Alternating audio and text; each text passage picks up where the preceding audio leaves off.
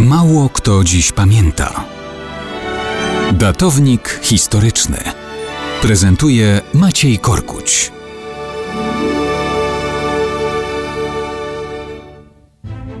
Mało kto dzisiaj pamięta o królu Szwecji Karolu XII, a dopiero co minęła rocznica jego grudniowej śmierci w roku 1718. Pewnie mimo wszystko nie jeden Polak jakoś tam kojarzy Karola XII jako wojowniczego króla, protektora naszego Stanisława Leszczyńskiego i pogromcę Augusta II Sasa.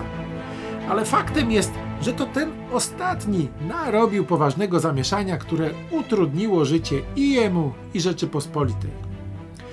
Było tak. Karol XII zasiadł na tronie jako nieletni jeszcze młodzieniaszek. August postanowił to wykorzystać. Wykoncypował sobie, że wspólnie z Rosją i Danią Szwedów zaatakują. August odbierze im inflanty, aby zrobić z nich bazę dla własnych kombinacji dynastycznych. W ten sposób powstaje koalicja Saksonii, Rosji i Danii przeciw Szwecji. Jest rok 1700. August uderza na Szwedów w Inflantach, a Dania w Niemczech. Karol XII jednak nie jest w ciemię bity. Okazuje się, mimo młodego wieku, sprawnym wodzem. Szybko zmusza Danię do zawarcia pokoju. Zaraz potem rozbija w drzazgi Rosjan w bitwie pod Narwą. Choć formalnie Rzeczpospolita w tej wojnie nie uczestniczy, to w rzeczywistości ma problem nie tylko August, ale również i ona.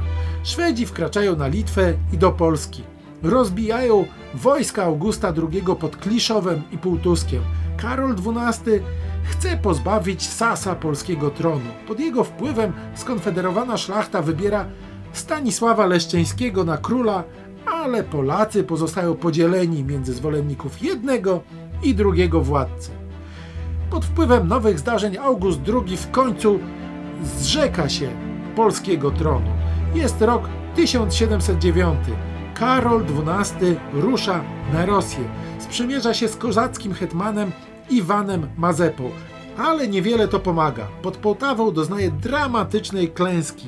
Korzysta z tego August II i wraca na tron w Polsce. Natomiast Karol XII musi uciekać do Turcji. Tam jeszcze udaje mu się namówić sułtana do ataku na Rosję, jednak kiedy dochodzi do pokoju, sprawa jest zamknięta. Rok 1714. Karol XII w przebraniu przedziera się do Danii, która oblega szwedzki Straslund.